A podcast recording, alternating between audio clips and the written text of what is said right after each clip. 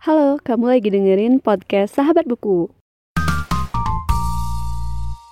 Halo semuanya dan selamat datang kembali di podcast Sahabat Buku. Bagi kamu yang baru pertama kali mendengarkan podcast ini, podcast Sahabat Buku adalah sebuah podcast yang membahas review buku dan pengalamanku saat membaca buku. Ini adalah episode ke-29 dari 30 Challenge Podcast dan tema yang akan dibahas adalah buku yang membuat aku menangis. Jadi ini ada beberapa buku yang aku rasa bisa membuat kamu menangis juga karena bisa dibilang ceritanya sedih dan juga ada mungkin beberapa beberapa adegan yang mengharukan gitu. Jadi langsung aja ke list bukunya. Yang pertama ada Perempuan yang Menangis kepada Bulan Hitam karya Dian Purnomo. Yang kedua ada Laut Bercerita karya Lela S. Hudori. Yang ketiga ada Pulang karya Lela S. Hudori. Yang keempat ada Bulan karya Terelie. Dan yang kelima ada The Perfect World of Miwako Sumida karya Clarissa Gunawan. Jadi kalau kamu baca buku ini siap-siap deh untuk uh, menemukan adegan-adegan menarik yang bisa aja buat kamu terharu ataupun buat kamu sedih gitu. Terima kasih telah mendengarkan episode kali ini. Jangan lupa untuk follow podcast Sahabat Buku di Spotify, di Instagram, dan juga di Twitter. Dan sampai jumpa di episode selanjutnya.